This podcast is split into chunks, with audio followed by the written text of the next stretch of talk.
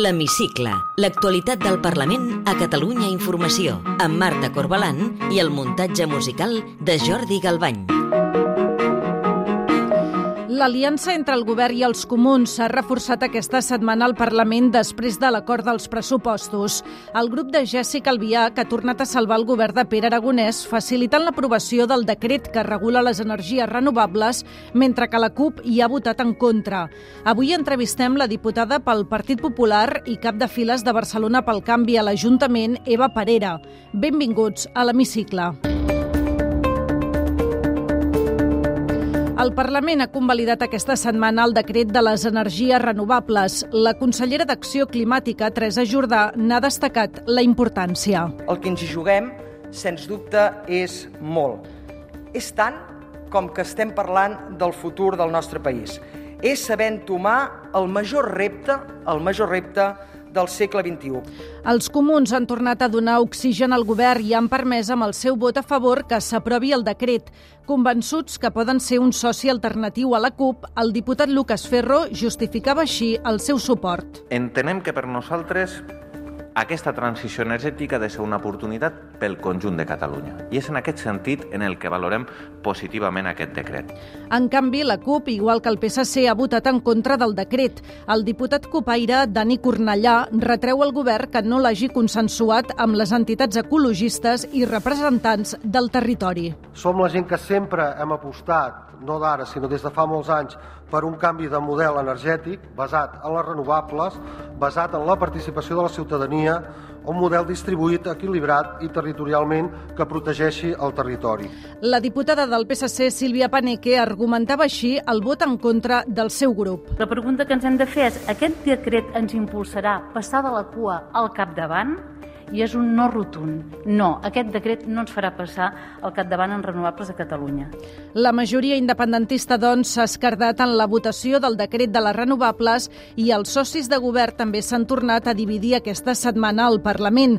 Ha estat pel Hard Rock en una moció del PSC, Junts per Catalunya votat a favor del macrocentre recreatiu del Tarragonès, mentre que Esquerra s'ha abstingut. El català també ha marcat el ple del Parlament d'aquesta setmana.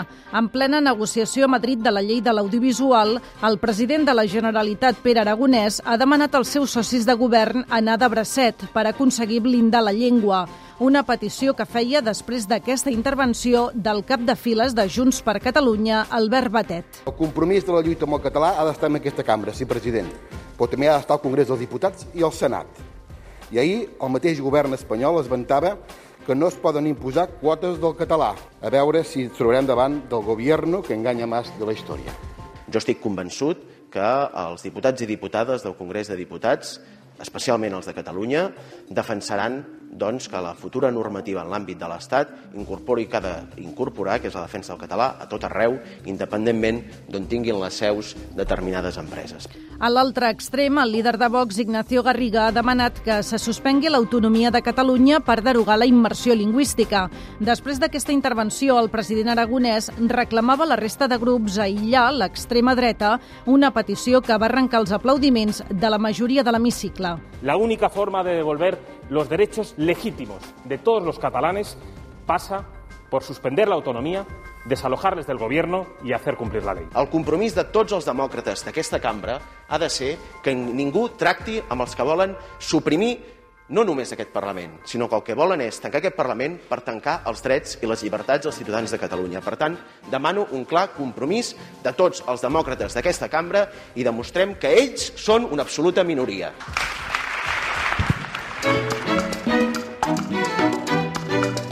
Té la paraula.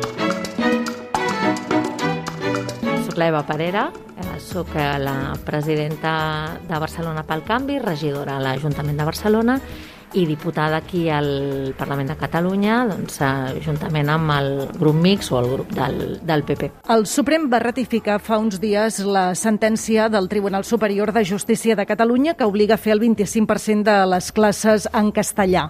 El govern creu que és un atac a la immersió lingüística i el conseller d'Educació va enviar una carta als directors dels centres educatius demanant-los que no facin cap canvi en els projectes lingüístics. Què en pensa? A mi em sembla una, una barbaritat. Al final el 25% eh, de, de castellà a l'escola significa una assignatura més, a part de la de castellà, de les matèries troncals. No? Crec que és perfectament assumible. Crec que hem de prioritzar les necessitats dels alumnes hi ha molts alumnes nouvinguts que no acaben d'entendre de, el, el català, que necessiten un període d'adaptació a l'escola i crec que eh, no podem consentir que hi hagi algun alumne a classe que pugui portar un retard o que pugui provocar un retard amb el reste de companys senzillament per una qüestió del, de l'idioma. Si el govern no acata la sentència, vostè seria partidària d'aplicar un 955 a Catalunya, en aquest cas en matèria educativa, com per exemple va proposar fa uns dies el líder del PP, Pablo Casado? No, només cal anar al tribunal eh, perquè obligui l'aplicació de la sentència i, si més no, els partits eh, que estem aquí a l'oposició doncs, forçar aquest compliment, que per això és la nostra feina al, al, al propi govern. No? Quin recorregut li veu a l'actual legislatura després que s'hagi escardat la majoria independentista en la votació dels pressupostos? Bueno, jo és que crec que, eh, com que tot aquest moviment independentista és tot pel poder, eh, crec que eh, la prioritat és mantenir el poder i, per tant, poden fer jocs de mànigues i qualsevol trilerisme per tal de mantenir el poder. I jo crec que la legislatura no està en perill i continuarà fins, eh, fins l'últim dia que sigui possible. No? Es parla de la majoria independentista del 52%, però, en canvi, no es visualitza cap front unitari del constitucionalisme, almenys aquí al Parlament. Creu que eh, hi hauria d'haver més unitat d'acció? Sens dubte, avui ara s'ha presentat un, un manifest eh, que demana la unió del constitucionalisme. Nosaltres el portem demanant eh, ja des de quan eh, feia campanya amb Manuel Valls. Jo l'he continuat demanant i, de fet, l'he practicat. Eh, jo en el meu en el meu grup municipal he fet fitxatges que provenen de Ciutadans i fitxatges que provenen del, del Partit Popular, no? i tinc gent en el meu partit que té carnet de militant d'altres formacions polítiques eh, perquè crec que aquest és, eh, és el camí. Jo he donat suport al manifest, n'he anat fins i tot a la presentació a Madrid, soc de les poques persones que realment s'està mullant en, en aquesta petició aquí a, a Catalunya i crec que és indispensable perquè és que eh, o tenim una unitat d'acció sobretot davant d'aquests moviments que hi han de voler reviure el catalanisme, no? que jo defenso que això és alguna opció que, que està morta eh, i, i davant de l'independentisme que està venent un relat d'una majoria que no és una majoria social real. Des que l'exprimer ministre Francesc Manuel Valls va deixar l'Ajuntament de Barcelona, vostè ha passat a ser la presidenta del grup municipal de Barcelona pel Canvi. Entenc que serà la cap de llista a les properes municipals el 2023. Sí, sí, sens dubte. Vostè ens comentava fa una estona que és una ferma defensora de la unitat dels partits constitucionalistes. A les passades eleccions catalanes, recordem el 14 de febrer, va anar de número 3 a la llista del PP. Veu factible una candidatura unitària a Barcelona entre el seu partit i el PP a les eleccions d'aquí dos anys? Eh, la veig desitjable i, i jo crec que sí, és a dir, aquí ja estem treballant en col·laboració molt, molt visible, és a dir, estic, com deies tu, feia, formava part de la llista, a l'Ajuntament també estem treballant conjuntament, dir, la, la col·laboració interna és màxima, fem votacions molt similars, fem propostes molt similars, que de fet d'aquí és on neix la idea, és a dir, ens entenem, compartim un programa electoral i per tant anem junts. Jo, eh, jo òbviament, crec que així ha de ser, eh, però clar, no depèn només de mi, jo, és molt més senzill, jo tinc un partit molt més petit, que no té estructura fora de Catalunya, tampoc té voluntat de tenir-la, som un partit català i, quedarà, i català es quedarà, eh, però jo entenc que els processos de les altres formacions, no només Partit Popular, sinó també Ciutadans, és molt més complexa i per tant han de fer el seu procés, el seu camí, però jo sí espero que puguem fer un, una, una candidatura unitària i treballar conjuntament, òbviament cadascú respectant les seves sigles, vull dir que no es tracta d'absorbir ningú ni molt menys. Barcelona pel canvi va permetre fa uns dies la tramitació dels pressupostos de Colau a Barcelona. Quin posicionament tindran en la votació final després del doble acord entre Esquerra i els Comuns per tirar endavant tant els pressupostos de la Generalitat com els de l'Ajuntament? Jo ara mateix estic en fase de negociació, estem en una negociació molt activa eh, i per tant anirà en funció de lo que jo hagi pogut incorporar en aquests pressupostos i a les ordenances fiscals i en funció de com vegi com queda el conjunt de les ordenances fiscals i els pressupostos, si em sembla bo o no. I les negociacions van pel bon camí? Van per molt bon camí. Per ara tothom és bastant conscient de que es necessita fer un esforç, un esforç per part de l'administració per ajudar el sector privat a, a poder generar riquesa i a poder generar activitat econòmica. Si li sembla, ens endinsem ara en el terreny més personal. Li demano, a partir d'ara, si pot contestar amb respostes al màxim de breus possibles. Per què va decidir entrar en política? Perquè m'encanta. Era, era vocacional. I jo quan vaig decidir quina carrera feia vaig optar entre dret i ciències polítiques. Vaig acabar en dret perquè em tirava molt també especialitzar-me en dret esportiu, però era algo que tenia pendent. De fet, el seu pare era un dels directius del Barça en l'època de la presidència de Núñez. A vostè? El gerent. Correcte, era el gerent. A vostè li agrada el futbol i el Barça? M'encanta el futbol. Mira els partits o va al Camp Nou?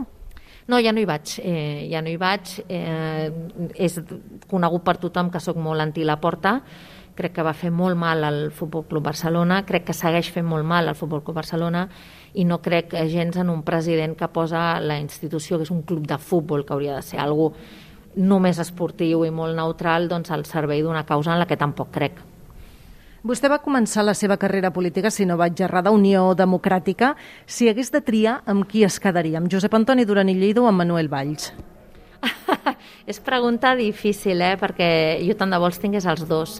Durant Lleida s'ha demostrat que tenia una visió eh, molt preclara del que acabaria passant. Eh, Manuel Valls eh, és, eh, és un màster de, de la política en, en si mateix i, i sens dubte jo ara, eh, quan, quan prenc decisions, les prenc eh, més pensant en què faria eh, Manuel Valls perquè em sembla un perfil eh, molt més valent, diguéssim, no? Me, menys sotmès a la por del que diran que sempre hem viscut aquí a, a Catalunya. Quin llibre té a la tauleta de nit, si en té algun? Doncs ara mateix estic llegint el de la Cayetana, Políticament indeseable. Em sembla un llibre molt, molt interessant. Ella, jo la conec de quan la meva època a Madrid, compartia amb comissió al Congrés, i em sembla, sempre m'ha semblat una persona molt culta, molt intel·ligent, molt valenta, que crec que és important en política ser valent, i molt desacomplexada. La fitxaria pel seu partit? Uh, sí, jo fitxo talent. Amb quin diputat o diputada que no sigui del seu grup compartiria aquí al Parlament una sobretaula distesa? Ui, jo puc compartir sobre taula amb, amb tothom. De fet, he compartit sobre taula amb molts diputats aquí abans d'entrar, vull dir, amb, amb el Nacho Martín Blanco, amb el David Pérez, eh, amb la Elsa Artadi, tinc molt boníssima relació també per, per l'Ajuntament, amb qualsevol m'entendria. I ja per acabar, completi la frase següent. El que més m'agradaria del món és... Doncs eh, passar més hores amb la meva filla. Eva Parera, diputada al Parlament pel PP i cap de files de Barcelona pel canvi a l'Ajuntament. Gràcies per atendre'ns a l'hemicicle de Catalunya Informació. Ha estat un plaer. Gràcies.